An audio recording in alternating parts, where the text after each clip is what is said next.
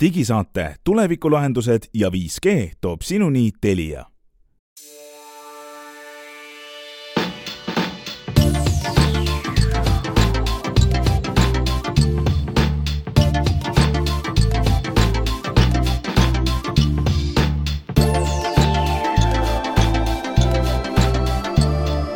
tere, head kuulajad, käes on juulikuu kõige esimene nimetu digisaade, tõesti oleme jõudnud juba aasta teise poolde ilusasti. ja täna oleme kolmekesi siin koos, mina, Hans Lõugas, Henrik Roonemaa ja Glen Pilvre ka. Ja mida see kuum suvi meile toob, noh, ei saa üle ega ümber kuumusest, arutame, kuidas meie äh, sellega hakkama saame ja kuidas üldse tehnika võiks selles osas aidata. vaatame ka peale veel eh, viimastele soovitustele Apple'i uue MacBook Pro osas. mõned huvitavad mõõtmisandmed on saanud avalikuks.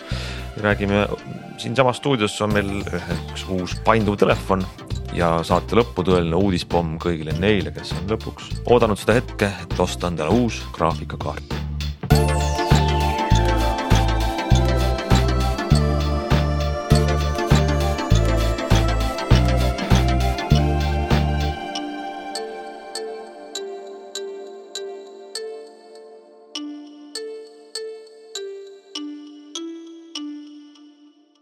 tähelepanelik kuulaja, kellel on äh, kõrvaklapid kõrvas ja see võib kuulda, et äh, ühel meist sahiseb toas midagi ja Hansul ehk siis Glenil ma ütlen, sahiseb midagi või siis, kui meie müraeemandusalgoritm võttis selle ära, siis ei sahise, aga ma võin endale öelda, et sahiseb. Ja Hansul on hääl ära, mida ma ka seostaks äh, liiga kõva konditsioneeri kasutamisega ja mina panin omal akna kinni ja ma põhimõtteliselt sulan, ma loodan olla veel neljakümne minuti pärast ka teiega, aga ma ei ole selles kindel, et ma arvan, meie tänase saate esimene teema võiks olla õhu jahutamine. Jaa, aga mina saan nüüd küsida, sest et selles mõttes sa eksid minu, kui mul hääl kõlab kähedalt, see ei ole konditsioneeriga seotud. vastupidi, ma olen sulandunud Eestimaa suvesse öösel ja päeval merevees ja mujal ja ilma konditsioneerita ja, ja tulemus on selline, nagu kuulda on ah,, okay. aga. aga ikkagi see on seotud linna... jahutamisega, sa käisid liiga külmas, külmas vees ujumas ja jõid liiga külma õlut peale. vist küll, kõik see kokku nii teeb välja, aga teised, teistpidi konditsioneeri märksõna on ju õige, et ähm, nüüd on ikkagi see kuumaline praegu järgi andmas, me ei tea, kas ja millal juulikuu või mis augustikuu toob, aga ma ei tea, kas mingisugused esimesed õppetunnid me saame juba teha, et kuidas see nagu tundub tüüpiline osa Eesti suvest üle elada, no mis te tegite siis, istusite konditsioneeritud tubades kogu aeg või? no Glen, ma saan aru, sul on no,, mis no, see sahiseb sul seal? minul on, seda pea, alustame siis personaalküsimustest jah, et ma arvan, et väga paljud ikkagi Eesti ja elanikud on, on alati sellesama probleemi ees, et esiteks ei lähe meil kunagi soojaks, sest et on mingi kõle tuul ja kogu see kevad käis ju mingi hala, kuidas ei tule suve, aga kui juhtub, juhtub klõks ära käima, siis tuleb suvi sellise mürinaga kohale, et kõigil hakkab väga palav ja väga halb. Ja siis siis on jälle see koht, kus, kus paar päeva nagu ühesõnaga vaeveldakse ja siis avastatakse, et kõik konditsioneerid ja ventilaatorid on ka ammu ära ostetud ja siis kuidagi hambad kirgistades elatakse see aeg üle ja hakatakse jälle virisema, kui külm meil on ja.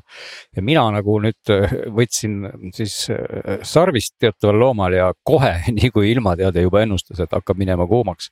astusin sisse poodi ja ostsin sealt ära eelviimase portatiivse konditsioneeri et see on selline minikülmkapi suurune seade, ma eeldan, mul on ka üks selline, no väiksem kui minikülmkapp, aga või.... ja ma, ma olen kusjuures igal aastal, kui see periood saabub, olen ma jäänud sellega hiljaks selles mõttes, et ma olen nagu umbes kolm päeva hiljem avastanud, et ikka on nagu väga-väga rõve ja siis neid enam ei ole, noh siis on täiesti plats ongi puhas, et. aga et, no. kui, kui teil mõlemal see külmkapp on, kuidas ta siis äh, kokkuvõtlikult töötab, ta on väike, paned voolu järgi, ta on toas aga äh, kas te peate ja, ühendama no see, kuidagi väliskeskkonnaga? no see mobiilne konditsioneer on jah, selline ilmselt eh, loomulikult alati, kui ma olen ka nende peale mõelnud, on mul olnud huvi, et neid võiks ju tõesti kõik nagu võrrelda ja, ja kuna alati saab see kuum aeg läbi ja siis ma kunagi ei jõua selle võrdluseni. võib-olla tõesti mingisugusel aastal ma näiteks juba maikuus ennetavalt mm, siis kütan kuidagi toa kuumaks ja võrdlen neid konditsioneere. et eks nad mul, mul üks sõber ostis siin samasuguse, samalaadse just ka mingil hetkel ja me omavahel natukene jagasime muljeid, et.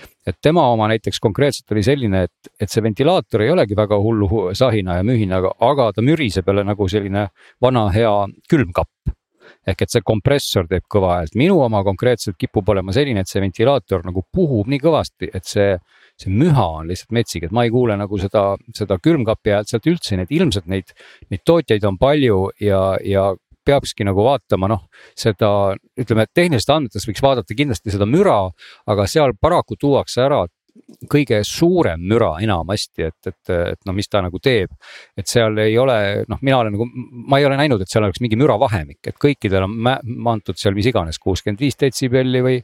Ja, ja, ja tihtipeale ei ole seal nagu kirjas, et mis see kõige vaiksem on, et, et on nagu ei ole siis valjem kui see, eks ole aga, aga, aga, aga noh, mul on olukord lihtsalt, kus see, see madalam aste ikkagi puhiseb niimoodi, et praegu peab hakkama kasutama pärast sama võimsaid algoritme, et seda sahinat sealt ära saada. aga see-eest ta jahutab päris tõhusalt ja siin muidugi võib juba füüsikast rääkides hakata ka ikkagi imestama, et, et see mobiilne konditsioneer ju oma mõnes mõttes on sihuke kummaline aparaat, et kui see, mis õues on, saab igaüks aru või see, mis autos on, et, et see nii-öelda kuum pool asub väljas ja külm pool asub toas. Siis mobiilse puhul asuvad ju need mõlemad toas ja ta tegelikult imeb ühest august sisse väga palju õhku, aga puhub selle õhu tegelikult kahest august välja, et üks auk läheb siis toruga õue ja teine auk äh, läheb siis tuppa külma õhuga ja siis ühest august imeb ta ikkagi toast õhku sisse, et mul tekkis äh, vahepeal hirm, et kas toast õhk otsa ei saa sest et ta ju noh, ta ju võtab kogu aeg õhku kuskilt, eks ole. aga äh, no oletame, et sa ei ela hermeetilises kambris no, kuskilt imbub sisse ka. aga tänapäeva aga kodud, Hans on, äh, meil käis muide, meil, meil testiti no, seda, et kas midagi nagu, et kas mingi külmasild on kuskil, on ju. Äh, noh, mitte praegu ei testitud, aga testiti siis, kui külm oli ja siis, ja see nägi välja niimoodi, et tuli inimene ja kleepis paar kohta kinni ja siis põhimõtteliselt pumpas meie korteri nagu õhku täis onju ja siis hakkas vaatama, et kas kuskilt läheb.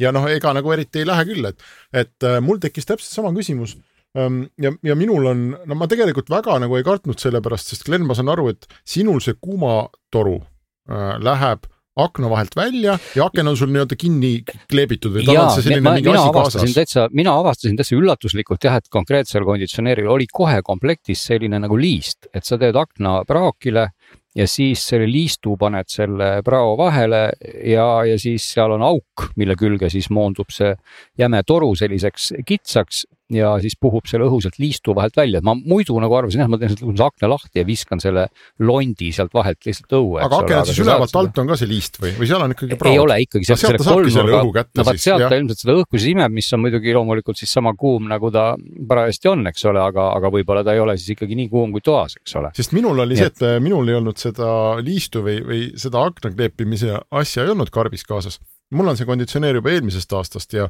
noh, mina olengi visanud selle londi lihtsalt aknast välja ja no ja. ja ta ei ole nii efektiivne, aga ma ei kasuta seda konditsioneeri kakskümmend neli seitse, vaid ma noh, kasutangi teda suhteliselt periooditi, et ja magamistoas ma veel sain niimoodi, et viskasin londi aknast välja, tegelikult tõmbasin kardina, paksu kardina ette. et noh, see ka natuke nagu aitas, aga, aga need äh, akna kinnikleepimise või need, need konditsioneeri portatiivse konditsioneeri asjad, mis käivad aknale ette, et see soe õhk tagasi ei tuleks need on otsas, neid ma üritasin siin paar päeva tagasi osta Eestist ja. aa, need on ka vist eraldi. Need on eraldi tooted ja, ja, ja need on otsas, aga ma ei tea, kas sa, Glen, ise oled proovinud, kui mina seda lonti katsun näiteks, seda, mis aknast välja läheb, kui konditsioneer töötab. Äh, või kui ma katsun seda õhku, mis sealt tuleb, see on tulikuum. see on, noh, see on, see on täiesti tulikuum. noh, niimoodi, et noh, no, no nagu, et see põhimõtteliselt see kõrvetab kui sõrme seal natuke kauem hoida, et see peab ikkagi meeletu hulk äh, seda kuumust ja energiat olema, mida ta siis noh, sellisel kontsentreeritud kujul äh, kodust välja viskab. Ja no need võimsused muidugi alati võib ju vaadata nende võimsuseid ka, et seal on nagu selline väikene äh, nagu ütleme, detail, millele tähelepanu juhtida, et, et, et on erinevus selles, kas seda võimsust siis nagu öeldakse kuidagi jahutusvõimsusena või sellise või selle kompressori absoluutse võimsusena. et seal võib tekkida väike arusaamatus, sest osad tootjad ütlevad seda kompressori võimsust, mis on enamasti ikkagi sadades vattides. ja, ja noh, ulatub seal võib-olla seitsmesajani või mis iganes, aga, aga siis paljud ütlevad nagu seda jahutusvõimsust nii-öelda, mis on siis kilovattides, noh stiilis, et mingi kaks kilovatti ja, ja, ja mis iganes. et, et enamasti need numbrid noh, kuidas ma ütlen, nad ei ole üks-ühele samad ja, ja kuna tootjad vaatavad erinevaid numbreid, siis tasub sellele ka tähelepanu pöörata, et kumb number see on, et, et ilmselt on võimalik võib-olla osta ka ma ei ole nüüd väga põhjalikku uurimustööd teinud, aga võimalik on osta ka võib-olla mingi väga võimsa, absoluutse võimsusega konditsioneer, mille jahutusvõimsus on veel suurem, eks ole. või siis vastupidi, sa ostad mingi konditsioneeri, millel see jahutusvõimsuse number on justkui näiteks seal mingi kilovatt või midagi, aga tuleb välja, et see on absoluutvõimsus on hoopis väiksem ja ta ei jahuta üldse nii palju, et seal kõrval on tegelikult number, mis ütleb sulle nagu seda õhu tema õhu läbipumpamise jõudlust ja siis ka ilmselt ka seda soovituslikku tuba mis, mida ta suudaks külmana hoida, et see pigem annab nagu selle aimu siis sellest, mis võimsusega aparaadiga tegu on. selle järgi aga... saab siis ka oma elektriarvet hinnata, ma saan aru, Glen, jah? ilmselt ikkagi saab loomulikult ja, ja, et, et selle, selle just, just nimelt siis selle, selle reaalse võimsustarbimise no kõrval. kui sul on, ma ei tea, seitsmesaja vatine masin, mis huugab äh, tund aega, eks ole, noh siis arvuta välja. siis läheb sul seitsesada vatti, eks ole jah, et, et see on selle masina kleepeka peal ka loomulikult, kui sa lähed poodi, siis, siis sinna peale kirjutatakse alati selle masina reaalse võimsus, eks ole. aga, aga nad ei võta loomulikult nad ei võta mingeid äh, nagu LED-lambiga võrdväärseid vatte, et nad ikkagi võtavad no, kõvasti elektrit. aga et, kas äh, see äh, nii-öelda rusikareegel on, on sellised masinad, millest te räägite ikkagi on mõeldud ühe ruumi jaoks, toa no, jaoks. ütleme jah, see, see minu konkreetne mitte... masin on ka ikkagi selline, et seal vist on nagu soovituslikult öeldud, et siis kuni mingi viiekümne ruuduse ala peaks ta justkui õige paigaldamise puhul äh, suutma siis ära katta. aga noh, ega reaalsus on ka see, et ta ikkagi noh, mul on ta nagu selles nii-öelda kontori töötoas, eks ole, ja ma hoian seda ust kinni. Ja kui ma selle ukse nüüd ikkagi lahti teen, et äh, et noh, see korter on ikkagi äh, peaaegu kaks korda nii suur, eks ole, et siis, siis ikkagi nendest koridoridest ja, ja, ja noh, teistesse tubadesse ta ikka nagu väga ei ulatu, et. et, et kui ma nüüd tõesti tahaks omale kõiki tubasid ikkagi jahutada, no siis ma peaks tõesti ostma nagu mitu tükki. mul oli sama täpselt, minu, minu oma on nähtud, ette nähtud kolmekümne ruutmeetri jahutamiseks mm -hmm. ja ma panin ta siin noh, kõige hullemal ajal panin magamistuppa ja mm, -hmm. ja siis äh, ongi londi akna vahelt välja, tõmbasin paksu kardina ette ja siis panin magamistoa ukse kinni, nii et noh, see õhk oligi ainult siis selles Just. magamistoas. ja, ja selle ta tõmbas mul ikkagi noh, ma ütleks viie kuni kümne minutiga. tõmbas ja, talu nagu eluohtlikult talumatust temperatuurist, tõmbas väga mõnusaks ja, ja siis jäi, jäi püsima ilusti, hoidis seda. ilmselt sõltub ka, millise, millise arhitektuuri või disainilahendusega kellegi elamine on, eks ole, kui on selline avatud elamine. võib-olla moodsamal ajal, kus ei ole tubasid erinevaid nii palju, et siis tegelikult ta toimib kindlasti paremini, et aga kui on selline väike liigendatus ja ikkagi toad ja, ja koridorid ja sellised asjad, noh siis on ilmselge, et. no minul näiteks kõrvaltuppa, ma läksin lapse tuppa vaatama mm. seal oli noh hädavaevu, kui üldse oli midagi muutunud, et ja, ja, ja, ja tegelikult oli ka jama oli selles, et äh, kui ma hoidsin magamistoa ukse lahti ja tema huugas seal täiega, siis mõnes mõttes oli see täielik energia raiskamine, sellepärast et noh, üldkorteri nagu üldtemperatuur kukkus null koma midagi, aga elektrit sai kõvasti kulutatud, et noh. aga, aga noh üks küsimus ikkagi, et kui te ütlete selle kohta konditsioneer, no siis näiteks autode puhul mäletate veel mõni aeg tagasi tehti vahet, et konditsioneer on lihtsalt lülitad sisse, puhub külma ja kõik. Aga kliimaseade on see, kus sa paned, et ma tahan, et mul oleks kakskümmend kaks nagu tänapäeva autodes on ja siis ta hoiab seda temperatuuri, et kas sellised äh, hädaabi, abilahendused nagu teil on?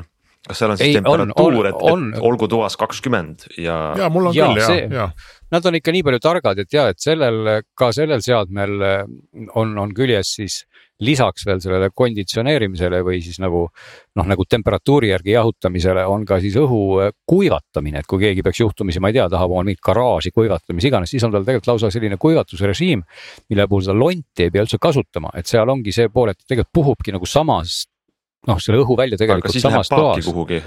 ja, ja siis on seal kohe komplektis toru ja sa ühendad selle toru sinna, sinna paagi asemel, muidu seal on muide väike paak ja väidetavalt teeb ta siis veel mingit täiendavat füüsikatrikki, et, et see vesi, mida ta sinna paaki siis kuidagi koguneb, et seda ta üritab siis kuidagi aurustades veel täiendavalt õhku paisata ja selle arvelt siis uuesti nagu veel natuke jahutada, aga kui sa paned ta sinna kuivatusrežiimi, siis äh, see vesi äh, tuleb voolikuga siis panna kuskile suuremasse anumasse ja siis ta puhiseb nagu samas ruumis ja üritab seda ruumi siis äh, kuivatada, eks ole, nii et, nii et tegelikult ega nad, nad on üsna targaks läinud, need seadmed, aga, aga kindlasti peab siin nagu ikkagi vaatama seda poolt ka võib-olla noh, et eks see sõltub nagu hinnast ka, et, et kuna ta ikkagi, ta on seade, mis teeb ikkagi kõvasti tööd, siis see siis võib-olla see, kuidas see karantiin, noh kaks on ta igal juhul, sellel minu konkreetsel aparaadil oli ta lausa kolm aastat. ja ta aga alguses tegi ka mingit imelikku kriginat, mis muide nüüd on õnneks ära kadunud, kui ta on rohkem töötanud, et. No, auto esimesed kilomeetrid. ja et, et ühesõnaga mul hakkas nagu tekkima ikkagi kahtlus ka, et, et kui sa ostad nagu võib-olla mingisuguse no ainult hinda nii-öelda, siis võib-olla see konditsioneer lakkab ka töötamast koos selle kuuma lainega, et mul tekkis nagu natuke see hirm, et, et ilmselgelt ei tasu võib-olla seal liiga nagu kokku hoida, et ikkagi eh, vaadata nagu natuke sellist kõbusamat seadet, millel oleks siis omadusi rohkem ja ja, ja ütleme sellist jah, nagu ilmselt, ilmselt kvaliteet tuleb sellega koos, eks ole. aga mina oleks nagu võrreldes neid, ma oleks ostnud ka ühe sellise, mis natuke vaiksem oleks, no võib-olla ta ei. aga kas ta, saab üldse, kas sa, vot ma just tahtsin öelda, et mis see praktiline nõu on, mida me kuulajale siin anname. et no, ma, ma natukene kahtlen, et kui me tahame masinat, mis oleks noh, mõistlikult väike, minu omal on rattad all ja ta on uskumatult ja. raske. On mul samad sõnad, mingisugune üle kahekümne kilo ikka paras. jaa, täitsa ja, ja., aga et kui me tahame masinat, mis oleks mõistlikult väike Äh, samas, mis jahutaks no et kust, mille arvelt see müravahendus siis nii väga ikkagi tulla saab Ta...? ilmselt ei saagi tulla. ventilatsioonid ilmselt..., kompressorid, noh, need on kõik ju, mis muidu on sul, mhm. eks ole, katusel või akna taga või noh, eraldi välisseadmes, eks. Need on kõik Just. sul kontorilaua või, või voodi kõrval, noh, see, ma arvan, ja pluss see õhk, mis väljub sealt väikesest masinast ikkagi väga tugeva joana. noh, juba see mhm. õhk ise tekitab sahinat, nii et vähe pole. et ma, ma kahtlustan, et see võib-olla väga ja. palju ei ole võimalik, vot ei tea. ei il, ilmselt küll, et võib-olla siis peabki arvestama natuke ka, kui mingit uurimustööd ennem ostu teha, et et kust ta seda õhku välja puhub, kas seda saab nagu natuke reguleerida, seda õhusuunda, et mõni puhub ülevalt ülesse, eks ole, mõni, mõnel saab külje peale seal natukene reguleerida. et kui seda nagu magamistuppa paned, võid sa avastada näiteks seda, et, et lihtsalt piltlikult puhutakse sul kogu aeg tekk ära, et, et, et noh, et, et kui sul on väiksem tuba, siis ta ju puhub ja ega see õhk ei jää ju kuskile seisma, see käib seal toas siis ringi ja kui see lõpuks sul see külm õhk pähe puhub, siis, siis võib-olla juhtub siis nagu Antsuga. häälega, et jah ja et, et, et, et seda, aga ma, ma, ma ütleks kokkuvõttena ikkagi meie suhteliselt üldisele heietusele sel teemal, et, et see on igal juhul väga mõistlik asi. ja ta töötab nagu ütlema, ta reaalselt toimib. ja, et kui te olete, elate Eestis ja iga kord vannute, kui väljas on kolmkümmend pluss kraadi, et ei saa normaalselt asju teha, siis ma esimest korda tundsin sel aastal, et tegelikult võikski olla kolmkümmend kraadi, üldse ei sega, sest et ma tean, et ma lähen koju ja kui ma istun töölaua taha ja, ja ma saan alati normaalse temperatuuri. et, et noh, kui on elamine, kus on konditsioneer olemas, ilmselt need inimesed seal võivad selle lõigu edasi kerida. Aga ka kellel seda ei ole ja kes tõesti vaevlevad, et ja, ja vannuvad sel teemal siis see lahendus ikkagi töötab, noh ilmselgelt ta võtab elektrit ja, ja ega mugavus nüüd ei tule päris tasuta, on ju, aga, aga igal juhul ta võtab ära selle. noh, selle täiesti sellise, no ikka tõesti olukorra, kus sa ei saa ju reaalselt midagi teha, kui sul toas on mingi kolmkümmend viis kraadi, siis, siis see. kusjuures siit samm edasi nendest portatiivsetest ikkagi on, ma siin vaatan oma naabreid, mitu ikkagi ma tean, meie ühistus mitmed inimesed on paigaldanud endale õhksoojuspumba, mis, mis on ja, ja mis, mis on huvitav, et nad Eesti oludes pigem noh, ütleme kortermajas, kus sul on keskküte, eks, pigem inimesed paigaldavad seda konditsioneerina. ja maamajades või ka eramajades, kus sul ei ole keskkütet, siis pigem inimesed paigaldavad seda kütteseadmena. ja aga seesama masin toimib mõlemana ja, ja ta on, eriti kütteseadmena on need õhkssoojuspumbad ju noh, üliefektiivsed, eks. no ega ta tegelikult on ka ju konditsioneerina ikkagi, ega efektiivsus on mõlemat pidi tal umbes, umbes. no ja lihtsalt konditsioneeri puhul me ei saa võrrelda teda mingi gaasikatlamaajaga, eks kütte puhul me saame ja me ütleme, et. kütte puhul me saame jah, sest et ega töö, tööpõhimõte täpselt sama, et ta ju selle asemel, et, et noh, ühelt poolt ta võtab ju tegelikult soojust ära ja teisele poole viib selle soojuse juurde, eks ole nii et. Äh, aga et mulle tundub, et see ei ole üldse, mm, vaatame, mis elektri hind teeb, eks, aga, aga erinevalt äh, Vene gaasist, noh, me, me enam-vähem teame, kuidas elektrit toota juurde, ilma et peaks Putiniga alla midagi kirjutama, eks, või ja, ja, ja pikas perspektiivis ma usun, et elektri hinnal on potentsiaali, pigem potentsiaali minna odavamaks kui siin nafta hinnal või gaasi hinnal.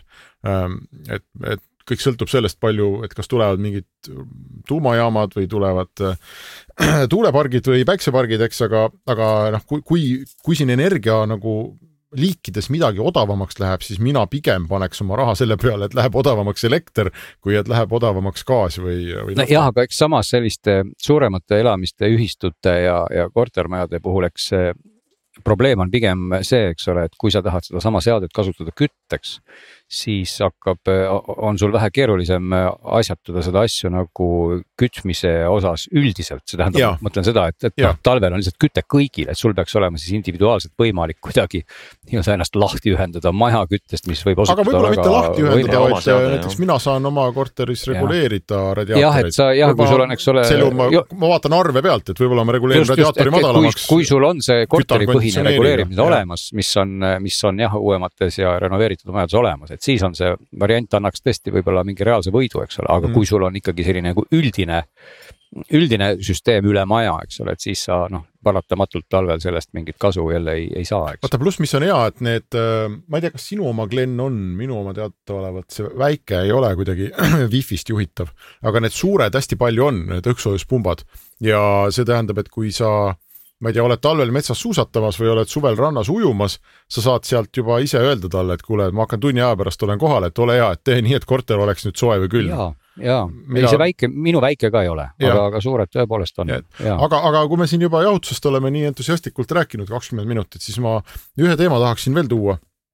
nimelt äh, ma no ega magada ei saa, kui sul on ikkagi toas äh, miljon kraadi sooja, eks sa sulad ära, oled üleval, oled kurb ja üleval ja mina sättisin siis neid, äh, mul on mõned ventilaatorid ehk siis need, mis ei jahuta, vaid need, mis lihtsalt urisevad ja puhuvad õhku ringi. ja, ja uurisin äh, teoreetilist äh, teemat, et kuidas, kuhu tuleks see ventilaator kodus panna. ehk kas puhuma endale peale või kas puhuma aknast välja või aknast sisse. ja kõik, kõik variandid on kuidagi võimalikud, eks ole ja, jube huvitav maailm tuli välja, internetis olid sa... foorumites oli lehekülgede kaupa mingeid arutelusid, füüsikaharidusega umbes professorid võtsid sõna ja läksid omavahel vaidlema, et mis siis kõige targem oleks. aga sa mõtled nüüd seda, et lihtsalt, et ventilaator näiteks välja peaks lükkama sooja õhu toast välja või ja. siis, et äkki ta lükkab õuest äh, jahedat õhku tuppa need, need ja. on need variandid jah. noh, et kumba pidi, no eeldus on ikkagi ja. see, et õues on jahedam õhk, eks no vot, kui sa see... oled keskpäeva, eks ole, sul on korteris kolmkümmend neli ja väljas on kolmkümmend kolm, noh siis ei ole suurt vahet. ja, ja õues on juba kakskümmend viis, siis võib-olla on. ja aga õhtul päike läheb ära, eks ole, nüüd su maja on terve päev olnud äh, päikse käes, üles köetud igatpidi, sul toas ongi kolmkümmend kolm kraadi võib-olla või, või rohkem ja nüüd sa mõtled, et aga väljas on ju kakskümmend kolm, et teeks nüüd nii, et hästi kähku mul läheks äh, jahedamaks, et mis siis teha ja, ja huvitav on jah see, et kõige ähm, et kui on niimoodi, et on väljas kuum ja sees kuum, siis ventilaatorist noh, selles mõttes on kasu, et sa paned ta otse endale peale puhuma, et, äh, et sul noh, siis sul hästi kiiresti vähemasti endal tekib see jahutuse tunne, eks, et ta pühib ikkagi selle õhu sul üle naha ja, ja, ja sa, keha saab jahtuda, eks. et see on igal juhul hea,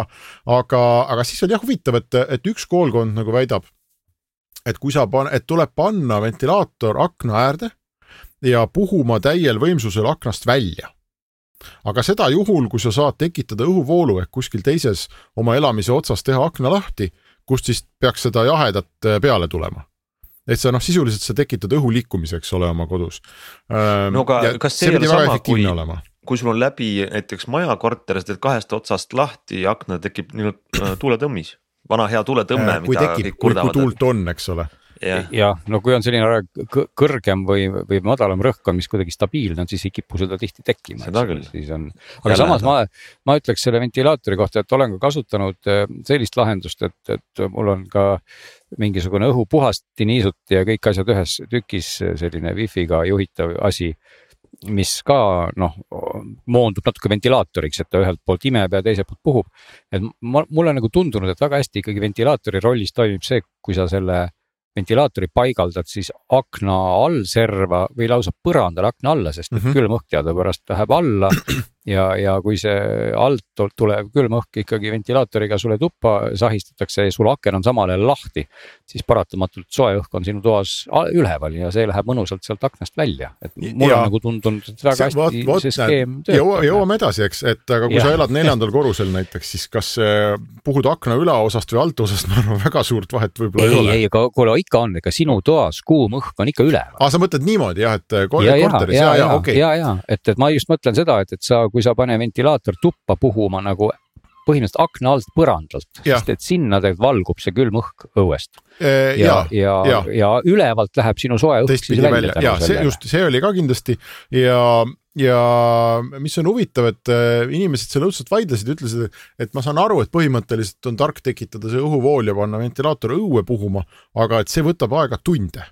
et, et, et noh, et kuidagi see tunne on ikkagi parem siis, kui sa paned ta toa või õuest seda külmemat sisse puhuma. no minu loogika ütleks, et kui sa paned ta õue puhuma, siis sa peaks selle ventilaatori panema üles, sa peaks panema sellise ja, üles. mis on omaette keeruline. ta imeb välja selle kuuma toast. kuuma õhu välja mm, -hmm. sest kui sa hakkad ikkagi alt õhku välja puhuma, siis sa tegelikult nagu. see vastu, vastu mägedet teed nii-öelda. vastu mäge nii-öelda, jah. ei no selles mõttes võib-olla ei ole vahet, kui sa teises korteri otsas teed akna lahti ja sa, et see ventilaator suudab sul tekitada sellise Selle nagu võim, mõnusa jah, nagu tõmbe, eks. et siis noh, et, et siis, siis sa, sa oled nagu korsten põhimõtteliselt ja sa elad mm. nagu korstnas, kus kogu aeg õhk liigub aga, aga, aga väide oli ka see, et need enamus ventilaatorid on ikkagi nii nõrgad, et noh, ta seal akna ääres midagi suristab, et no mida ta sul nii väga siis nagu no mis, mis õhuvoolud on nii väga sul ikka muide, et rääkides sellest siis veel jutu lõpetuseks, et see konditsioneer tegelikult ka, kui ta selle temperatuuri muide saavutab, siis ta toimibki väga hästi ventilaatorina. et ta, ta lülitab lihtsalt selle külmkapi osakonna sealt krõpsti välja. aga puhub edasi. ja puhub edasi, et ega ta vait ei jää. püsib jah toas. ja et, et, et kahjuks mm. või õnneks tal sellist režiimi üldse pole, et ta nagu ennast päriselt välja lülitab. kui ja. ta käib siis ta käib, ta puhiseb mul kogu aeg sama kõvasti. aga ühesõnaga ma tahtsin selle ventilaatori jutu lõpetuseks jah öelda, et, et ega seal kokkuleppele ei jõutudki, et kas siis muna oli enne või kana oli enne või kas tuleb puhuda sisse või välja. teatud nipid on, aga minu enda kogemuse järgi kuidagi ikkagi toimis see sissepuhumine nagu paremini ja kui sul on üks tuba, kus sul ei ole kuskilt külma peale tulemas, no siis sa pead igal juhul sisse panema, puhuma ta ja, ja, ja tegelikult öeldi ka, et need eramusventilaatorid tegelikult tekitavad enda ümber et nad ei, nad ei tekita nagu väidetavalt õhuvoolu kui sellist, noh, umbes nagu ma ei tea, reaktiivlennuk, kui ta lendab, vaid äh, et nad tekitavad enda ümber äh, mulli. või sellise sõõrikukujulise äh, mulli, kus ka kehvemal juhul see õhk võib lihtsalt tsirkuleerima hakata, see on umbes, kellel on saumikser, on kasutanud, pane, pane suppi sisse ja pane ta käima, siis ta tekitab ka enda ümber sellised nagu sõõrid või rõngad, kust, kust siis seda suppi sinna purustajasse kaasatakse, aga kui sul on suurem pott, siis need poti äh, servad võivad olla kõigest sellest pullist täiesti puutumata, et ventilaatori efekt pidi olema tegelikult mõneti sarnane. Ja, ma, ma hakkasin küll rääkima Suro Raaga, aga ma tahtsin jõuda sinna, et tegelikult kokkulepet ei ole ja suurt vahet pole, aga pange nii, nagu et teil hea oleks. nojah, ja ilmselt ikkagi no, mida võimsam see ventilaator on, mida nagu rohkem on tunda, et see õhuvool jõuab kaugemale, seda ja, parem, et ja. kui see seal vaikselt sahistab ja juba meetri kauguselt ei saa midagi aru, siis ilmselt ongi seal see sõõrik käib seal edasi-tagasi ja midagi juhtub. ja, ja, ja sellest sõõrikust kasu ei ole. selge, meil on äh, suvised kuumad teemad, tegelikult meil on üht-teist veel arutada ja vaatame ja vaatame nüüd otsa MacBookile. Kaks nädalat tagasi oli vist või oli see rohkem, kui me rääkisime siis äh, Apple'i uutest seadmetest. M2 protsessoriga MacBook Air ja MacBook Pro on väljas ja meie esialgne selline hinnang juba oli toona, et MacBook Air on, on noh, tundub selle raha eest äh, õige mõistlik püss ja see MacBook Pro on väga kaheldav aga nüüd on selle kohta üks äh, lisamõõdik, mõõtmised saabunud, on nii, Hendrik? Ja need äh, kolmeteistktollise MacBook Pro M2 äh, mudelid jõudsid siis nüüd äh, Ameerikas vähemasti ajakirjanikele testida ja on avastatud, et see kõige odavam MacBook Pro M2 ehk kaheksa gigabaidi mälu ja kahesaja viiekümne kuue gigabaidise SSD kettaga mm, on kõvasti aeglasem kui täpselt sama, kui siis ehk siis M2, aga viiesaja kaheteistkümnese kettaga. ja miks ta, no te, see ei ole nagu üldse loogiline, eks, et see on lihtsalt ketta ruumi vahe, et kuidas saab olla aga põhjus on selles. üks hea põhjus. üks ja. hea põhjus on see, et äh, Apple kasutas äh, eelmisel ehk siis M1 protsessoriga mudelitel, kui sul oli kakssada viiskümmend kuus gigabaiti äh, ketast, siis see koosnes kahest kiibist, kaks korda sada kakskümmend kaheksa. ja see arvuti oskas kirjutada ja lugeda kahelt kiibilt korraga andmeid kirjutas vasakule paremale, põhimõtteliselt juga läks kahele poole ja nüüd siis selles uues arvutis äh, on üks kahesaja viiekümne kuuene mistõttu nüüd saab kirjutada ühte kohta korraga andmeid ja lugeda ühest kohast korraga. ja noh, lihtsustatult öeldes see ongi põhimõtteliselt põhjus, miks selle arvuti ketta poole pöördumine on kõvasti aeglasem. sest tal on lihtsalt üks ketas. nüüd, kui sa ostad viiesaja kaheteistkümne gigabaitise, siis seal on kaks korda kakssada viiskümmend kuus ja seda probleemi ei ole. ja siis on ja. jälle kiire, sest nüüd ta saab jälle kirjutada kahele kettale korraga. et seda, kes, kes mis iganes põhjusel üldse tahavad seda kolmeteist tollist eh, Prod, mida minu arvates ei peaks üldse tahtma, aga siis te teate ja huvitav on ka see, et ja sa mõtled, et okei okay,, mul ei ole vahet, et noh, see kettale kirjutamine on niikuinii jube kiire noh, sa ei tegele päevas, kui sa lihtsalt veebis surfad, on ju, või ma ei tea, isegi raadiosaadet teed või mida iganes sa teed, noh, seal ei ole mitte mingit vahet. aga teatud suuremahuliste töödega, nagu siin ka testiti, on ikkagi vahe sees, sellepärast et kui see kaheksa gigabaiti mälu saab otsa, siis mida arvuti hakkab tegema, ta võtab seda mälu sisu, mida parasjagu aktiivselt ei kasutata, kirjutab selle kettale, no põhimõtteliselt tõstab kõrvale. Ja ta saab seda kirjutada kettale. ja, ja nüüd kaheksa gigabaiti on tegelikult vähe ja see saab päris kiiresti otsa. nüüd, kui see eelmisel mudelil kettale kirjutamine lugemine oli väga kiire, siis äh, ka see mälu nii-öelda parkimine kettale käis väga kiiresti ja nüüd käib see seetõttu vähemasti sellel baasmudelil poole aeglasemalt. ja see omakorda tekitab teatud äh, selliseid tööjõudluse probleeme, mis on ka täiesti reaalselt näha, isegi kui sind otseselt see kettale kirjutamine ei huvita just ja ma arvan, et väga eluline olukord on tegelikult see, et kui sa natukene süvened millegagi oma tööülesandesse, siis sul on sul lahti paar brauseri akent, milles kumbagi see on võib-olla mitukümmend tääbi või sakki. Ja, ja siis nende vahel vahetumine, mälu on täis. ja siis mõtled, miks mu arvuti nii aeglane, ostsin uue arvuti, mulle ju müügimees ütles, ma olin seda Airi ostmas ja siis ta ütles, et aga osta ainult sada eurot kallim on see uus MacBook Pro ja siis ostad selle Pro, aga tegelikult ei. ei tundu, et see on Äh, see on võib-olla Apple'i jaoks on see nutikas kaup, see uus MacBook Pro, et endal on seda, sest et miks on, ähm, miks on sihuke ühe mäluga see mälu nagu, miks nad selle tegid, et ilmselt see on soodsam, see on Apple'i jaoks soodsam teha selline. kas aga ma olen, olen saanud õigesti aru või ma lihtsalt ei saagi aru, et kas kas uus MacBook Air on, äh, on, on ka kannatab samade asjade all? keegi ei tea, seda ei ole jõudnud äh, üldse avalikkuseni, seda nüüd hakatakse juulis millalgi saatma välja, aga Aha. on ülitõenäoline, et ta, et ta kannatab jah. et ja, ja, see, seda, see, see selgub siis põhimõtteliselt tasub siis ühesõnaga olla igal juhul ettevaatlik, kui osta kahesaja viiekümne kuue gigabaidise salvestusmäluga Mac tasuks, tasuks, tasuks uurida, et millest ja, see koosneb. selle asemel, et osta nagu soodsam Air või siis sellest natukene kallim see Pro, mis on parem seda raha panna sinna, et osta natuke kallim Air.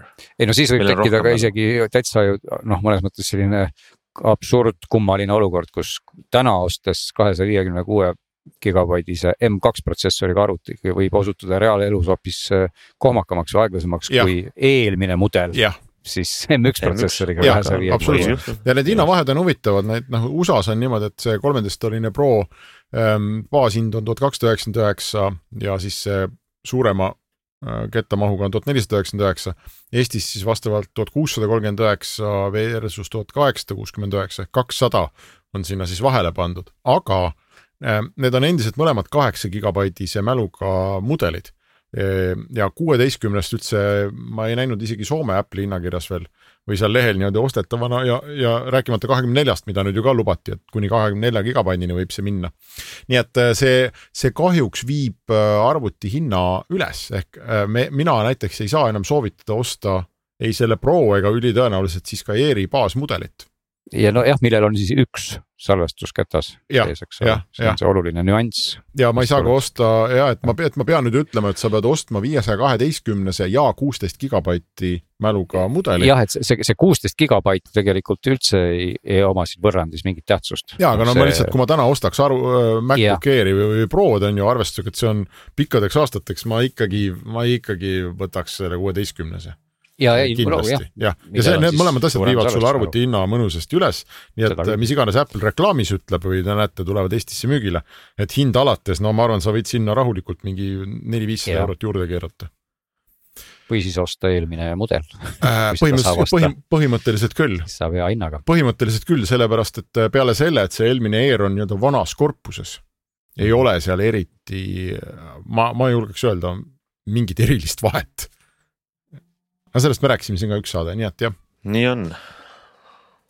Ähm, mis meil edasi on, meil on käes üks järjekordne äh, mitte painduv telefon, ma hakkasin ennem Glen sinu sõnadega ütlema painduv no, telefon, aga tegu on kokku volditava telefoniga. ei no aga paindub ju, ikka ju paindub, kuidas sa siis ütled no midagi sealt paindub, aga mitte kogu telefon ei paindu, eks. no tegelikult ikkagi paindub väga palju. mul tuli meelde, oli vanasti oli painduv telefon, kes see tegi esimesena Eestisse, banaani, mis oli kumer ja sa said vajutada ta laua peale sirgeks.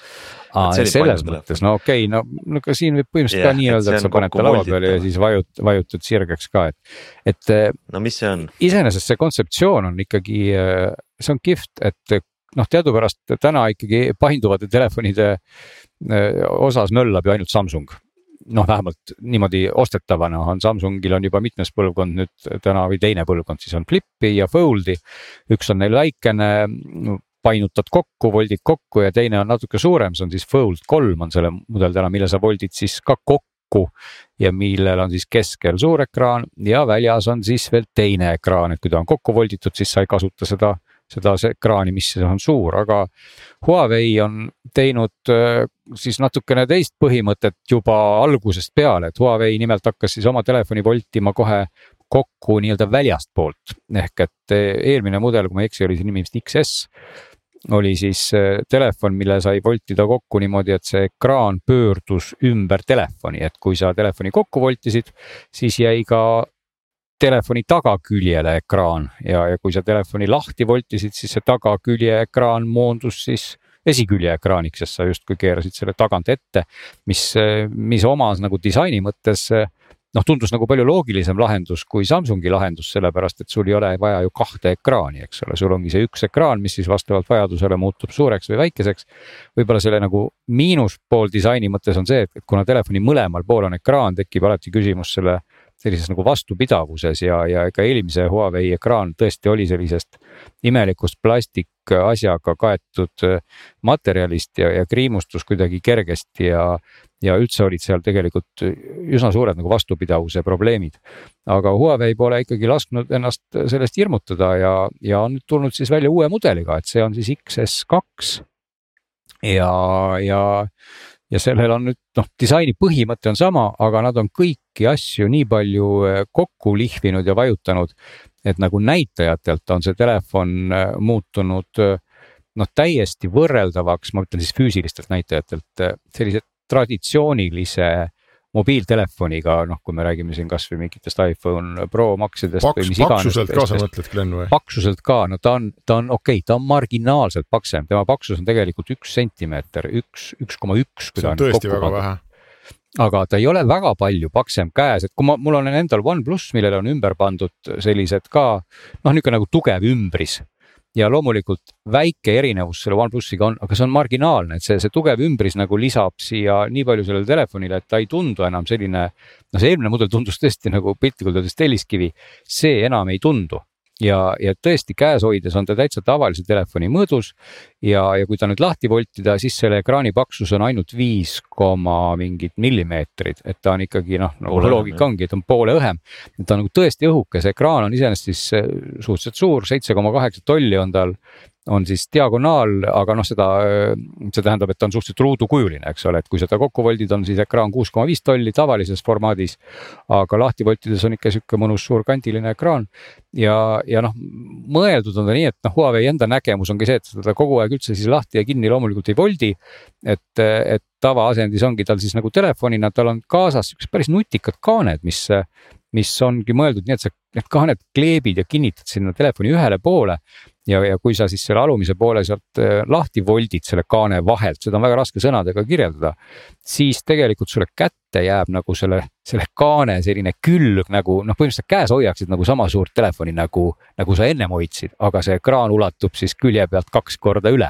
et tegelikult Äk on seda väga nagu, hea käes hoida. mitte sang, aga selline koht, kus sa saad ikkagi hoida seda. kus ma saan nagu kinni ruutu. hoida jah, seda suurt mm. ruutu nagu väga mugavasti ühes käes ja teistpidi see osa, millega ma ühes käes hoian, moodustub ka laua nagu selliseks aluseks, et ma võin siis panna selle suure ruudukujulise televiisori omale taldriku kõrvale ja, ja siis on mul, ta on nagu sellise väikese nurga all, noh, üks siukse kolmekümne kraadise längusnurga all. et siis ma saan sealt mõnusasti sirvida ja lugeda asju, eks ole, ja kui ma ta siis kinni tagasi keeran, siis see kate tegelikult katab ära selle ekraani tagumise külje. nii et siis ta noh, välisel vaatlusel ongi siis nagu imevähe imevähe kobakam, täitsa tavaline selline ümbrisega telefon. sest et selle ekraani tagakülg on kattega kaetud, et eks noh, nüüd ütleme, kui, kui nüüd ma ei tea, kas üldse kedagi huvitab, et kas muudest omadustest siin ka midagi rääkida on peale selle ägeda ekraani et, et loomulikult Huawei probleemid on siin sees endiselt. ma just et, kuulsin äh, lugu inimesest, kellel oli Huawei telefon, käis sõpradega reisil ja mm, -hmm ja olid erinevad ekipaažid. Ja siis need mm. ekipaažid, kus ei olnud Huawei telefoni, tegid oma Google Maps'id lahti ja sõitsid kohale. Tema, tema oli alati kusagil mujal. aga muide Maps idest rääkides tegelikult ma ei, ma ei ole nüüd ise seda tõsi, personaalselt väga testinud, aga väga paljud inimesed väga kiidavad ka seda Huawei kaardirakendust, mille nimi on Petal Maps. Ja, ja ma ei oska siin nüüd äh, kommenteerida, kas see on hea või halb, aga, aga see peaks olema väga konkurentsivõimeline ka Google Maps'ile. Ja muideks äh, nüüd on ka ilmunud välja äh, selline või ma ei tea, kas see on ka nüüd, kuna ma ei ole nüüd nagu Huawei telefone nii nii-öelda väga pikka aega jälle jätkuvalt kasutanud. et, et selline omapärane virtuaalne häkk jutumärkides nimega G-Space või G-Space on olemas, mis siis tegelikult tekitab sulle nagu virtuaalse Mate kakskümmend Pro telefoni ehk et kui sa, kui sa installeerid nüüd siia Google'i või sellesse Huawei telefoni G-Space'i, siis G-Space ütleb siis äh, Google'ile, et tere, mina olen Mate kakskümmend Pro, kus on ametlikud Google'i teenused lubatud. No ikkagi väike häkk siis tähendab, et sa petad Google'i ära sellega, et okei okay, no. ja, ja, ja see jääb ikkagi natuke siukseks tülikaks, et mul on nagu siis nagu eraldi sihuke virtuaalne device justkui, et nii kui ma selle G-Space'i siin avan, siis mul nagu avaneb tegelikult nagu omaette sihuke sahtel mis siis Google'i suhtes on väga aus ja ametlik, eks ole. no see, see kõik kõlab, et seda on võimalik kasutada, aga, aga no küsimus on, et noh, et kas me peaks noh. ei no, no ütleme, et see, see absoluutselt nüüd ei puuduta selle telefoni painduvust muidugi, et see, see, see, see tegelikult, see on, see on puhtalt see Huawei ja teine asi, mis siis ka Huawei'l täna ikkagi neil käsi eh, nagu käeraudadesse paneb, on siis see 5G teema, et ka sellel telefonil on Snapdragoni kaheksa, kaheksa, kaheksa seeria kiip, aga see on ikkagi 4G kiip mm.. et, et noh. uusi nad ei saa jah jah, et hetkel on see olukord loomulikult keegi sellest vist päriselu seal täna puudust ei tunne ja, ja noh, ma ei tea, kas see ekraan kaks aastat voltimist kannatab, võib-olla kannatab, aga võib-olla ostad sa selle aja peale, kui 5G meil jõuab niikuinii uue telefoni, mina nagu seda liiga üle ei dramatiseeriks seda, seda 5G no,. samas kui sellise kalli telefoni äh, eluaeg, arvestatav eluaeg on kaks aastat, siis ma dramatiseeriks seda ka suhteliselt no, palju. no vaat, vaat seda võib-olla teen praegu liiga, et, et ega seda ekraani ilmselt on nad voltinud seal mingid usinad Hiina robotid ilmselt mingid sadu tuhandeid kordi ja ja, ja, ja selles ei ole probleemi. no hind on ikkagi hea, kaks tuhat eurot keerutamata välja öelda, et ega ta on mõnevõrra kallim kui Samsung. ma panin siia kõrvale huvi pärast ise võrdluseks ka neid Galaxy Fold kolme andmeid, et ma just vaatasin, et et, et ta on igas mõttes ikkagi Samsungile tehnilises mõttes nagu ütleme, teeb ära. et ta on õhem, ta on, ekraan on tunduvalt suurema resoga, kaks tuhat kakssada, kaks tuhat nelisada kaheksakümmend, Foldil on tuhat seitsesada kuuskümmend kaheksa, kaks tuhat kakssada. Äh, Fold on äh, ligi poolteist sentimeetrit paks kokku voldituna, see on, eks ole, pealt sentimeetri natuke. et ta, no ta kõigis, kõigis mõttes kaalub kakssada viiskümmend viis grammi, Fold on kakssada seitsekümmend üks grammi. aku on natuke suurem, neli koma kuus äh, ampertundi, Foldil oli kui ma nüüd peast ütlen praegu, kas oli neli tuhat nelisada või, et igal juhul ta on, ta on nagu kõigis asjades ikkagi parem et, et, et tehnoloogiliselt jällegi on seesama koht, et kahju, et, et Huawei'l selline olukord on, sest et mitte ükski teine tootja kahjuks sellist telefoni, kellel oleks siis Google'iga kõik hästi, nad ei too, et. et, et noh, et see, see on jälle sellele, seesama probleem. sellele ma saan küll alla kirjutada, sellega ma olen sinuga nõus tegelikult, et, et seal on, et tehnoloogiat, innovatsiooni riistvaras eriti, mida on, ma tahaks on. kasutada, aga, aga kahjuks jah, see on, on teises, teises maailmas ja, aga, aga noh, kas nüüd äh, muidugi võib siis äh, lõpetuseks veel kurvastada või rõõmustada ka Eesti ostjaid, et. et ega Huawei vist isegi ei ole öelnud kõva häälega välja, kas nad selle telefoni siin meie regioonis üldse müügile toovad, et. et see, mis minul praegu käes on, peaks olema täitsa esimene Eestis, nad seda siin Istanbulis esitasid just mingisugused äh, nädalake tagasi oli see suur event ja, ja, ja, ja noh, katsumiseks ma selle omale pihku sain. nii et võib-olla ta ei olegi üldse sihuke ostetav kraam siin, eks. Huawei saab nagu väga hästi aru, et, et eks see telefonimüügi ja äri, äriolukord on nii nagu on, eks ole, aga, aga noh, tore, et nad ei ole selle koha pealt ikkagi nagu loobunud tegemast nagu ägedaid asju ja Hiinas ilmselt eh, ei ole see selline probleem, nii et võib ka ikkagi loota, et nad ei loobu, nii et sellised ägedad ja painduvad telefonid. Noh, ta ikkagi seadmena ta on ta kihvt, et kui ma, ma teda tõesti täna käes hoian ja ma tahaks ühte seadet mis on äge, siis, siis ma näen, et sellistes vormides, sellistes mõõtudes sellel hakkab juba olema isegi mingi mõte. noh, jääb Olgu. siis etaloniks ja Aga- huvitav, ma arvan, et see on selline väärtuslik tehniline demo ehk äh, kuni Just. ameeriklased kraane uuesti lahti ei tee, siis ma arvan, et me käsitlemegi neid Huawei's ja, ja noh No no, kõik see, mis sa räägid, see kõlab Jah. nagu väga vingelt, eks. Ja ma Just, juba just. hakkan mõtlema, et kui see on sama paks kui tavaline telefon, miks ma siis ei peaks tahtma volditavat Jah, telefoni. hinna, hinnamure muidugi jääb. siin, siin on ka see koht muidugi, et kui seda lahti voldid kasutad, et noh, sellised igapäevastsenaariumid on see, et ega see nelja tuhande kuuesaja milliampertunnine aku nüüd seda suurt ekraani ikkagi nii edukalt ja nii kaua ei toida, et, et tavaasendis noh, peab ta vastu nagu enam-vähem nagu tavaline telefon, aga kui ikka ekraanivoldid kaks korda suuremaks, siis ka aku vastupidavusele avaldab see nagu mõju ja, ja noh, näiteks ei ole siin juhtmevaba laadimist, sest teisel pool on ka ekraan, eks ole, et sa ei. et siin nagu siuksed mõned, mõned nüansid on, et sõrmejäljesensor ei ole ju ekraani sees, aga see-eest on ta külje peal, toimib ka väga hästi et, et noh, mingeid järeleandmisi pead sa tegema, aga, aga, aga, aga jah, lahendusel, kui ma ikkagi seda telefoni käes hoian ja vaatan, siis ta ikkagi on äge, midagi pole öelda, see ekraan, mis nagu niimoodi rullub üle nurga. see, see näeb välja selline ikka tulevikuhõnguline. nii, aga vaatame edasi, mis meil on veel teemat ja ma, ma tõesti ei usu seda, mida Henrik, sa nüüd panid teemade faili, mida sa tahad öelda. graafikakaartide suur põud äh, on, kas tõesti läbi või, või on esimesed märgid sellest?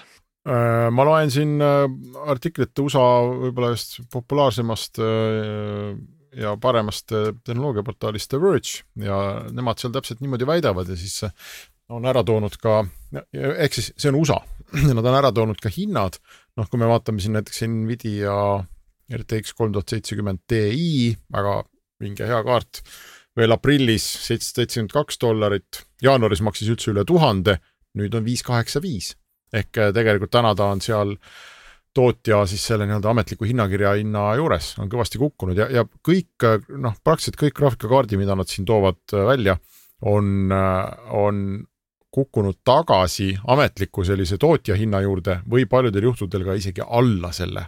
ja see on USA-s, ma just siin kiiresti võtsin paari Eesti poe kodulehed lahti.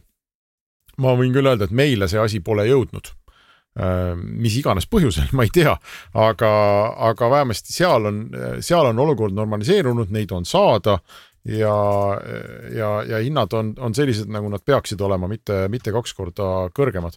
ja ma vaatan, et ka äh, tegelikult vaikselt hakkab jõudma, ma tegin siin praegu saate kõrvale nüüd Saksa Amazoni lahti, huvitav, kas ma vaatan korra, kas ta on siia ka jõudnud. aga, aga mulle tundub, et, et millalgi nüüd äh, igatahes äh, on võimalik inimestel, kes on oodanud, ma ei tea, kui kaua, kaks aastat seda.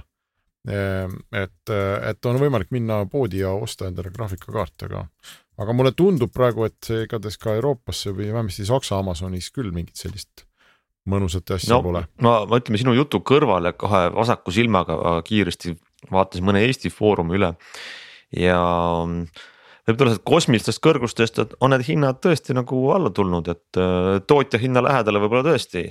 võib-olla isegi on natuke alla selle. Ka selliseid kasutatud hindu? kaarte, ma näen. kasutatud no ma vaatan uusi, okei okay., no ma vaatan Amazonist uusi, siin ma näen näiteks on mingil kaardil on üheksa protsenti hinnaalandus tehtud, nii et mulle tundub, et see protsess on hinda ja mingi kaart on kakskümmend kaks protsenti isegi alla tulnud, aga need hinnad on ikka natuke veel kõrged et, et tundub, et Euroopas me peame ikkagi veel ootama, enne kui need hinnad normaliseeruvad, aga, aga tundub, et see suund on nüüd igatahes kätte võetud. kuigi siin ma ükspäev just lugesin, meediasse oli lekkinud Facebooki mingi eriti tähtsa inimese memo, kes ütles, et, et TikToki ja teiste igasuguste ai, mis iganes teenustega konkureerimiseks peab Facebook viiekordistama enda serveri parkides olevate graafikakaartide hulka. kujuta nüüd ette, terve Facebook mis on, ma arvan, kes, kes, kes tegeleb VR-i ja kõigega, jah. kes on oodanud ja. seda krüptoturu kukkumist, et tuleks ometi kaardid nad alla ja nüüd nad ostavad. jah, ja nüüd nad tulevad siis turule ja ütlevad, et me ja me kavatseme yes. viia. et, et võib-olla jälle jah, et kui, kui tekib selline poes mingi äh, kaheks päevaks see hetk, kus Facebook ei ole veel poodi jõudnud ja krüptomehed, neil ei ole enam raha, et poodi minna, et siis mine osta ära sest yeah. see asi võib jälle, jälle jamaks minna, aga no mine tea. ja uued kaardid on siin ka tulemas kõigil ja aga ma arvan, et sellega me vist äh, saame oma su sulamis, suvise sulamissaate otsad tõmmata kokku. jah, ja kui te kuulete siin, et keegi meist sahiseb või ei sahise või kellelgi on hääl ära või ei ole hääl ära, siis äh, meil on teile varuks äh, nii üht-teist põnevat järgmistesse nädalatesse, ma tahtsin ka segada sulle, sa tahtsid segada sulle vahele ja. praegu kokkuvõttes, sa näed, praegu on pidulik hetk. ma lülitan konditsioneeri välja. nii ja nüüd, nüüd me saame siis kuulata lõpuks seda, kui hästi algoritmid töötavad, milline on päris vaikus. ja mõtleme, Glen, kui keegi ei teegi vahet, siis on ikka algoritmid on head muide tänapäeval, eks need no, müra eemaldusalgoritmid ja nüüd on, nüüd on mul päris vaikus, tead see vaikus on kuidagi hea kohe, ma, ma, ma muidu, kui ma siin tööd teen ja konditsioneer töötab, ma panengi pähe oma niisugused müra summutavad kõrvaklapid, et see on nagu abiks, aga sa tunned kuidagi kohe kergendust, kui ma seal seisma panen ja kui see kõik jõudis ka teieni, head kuulajad, siis te teate, et me räägime heade mikrofonidega, millised need on, eks te saate peagi-peagi teada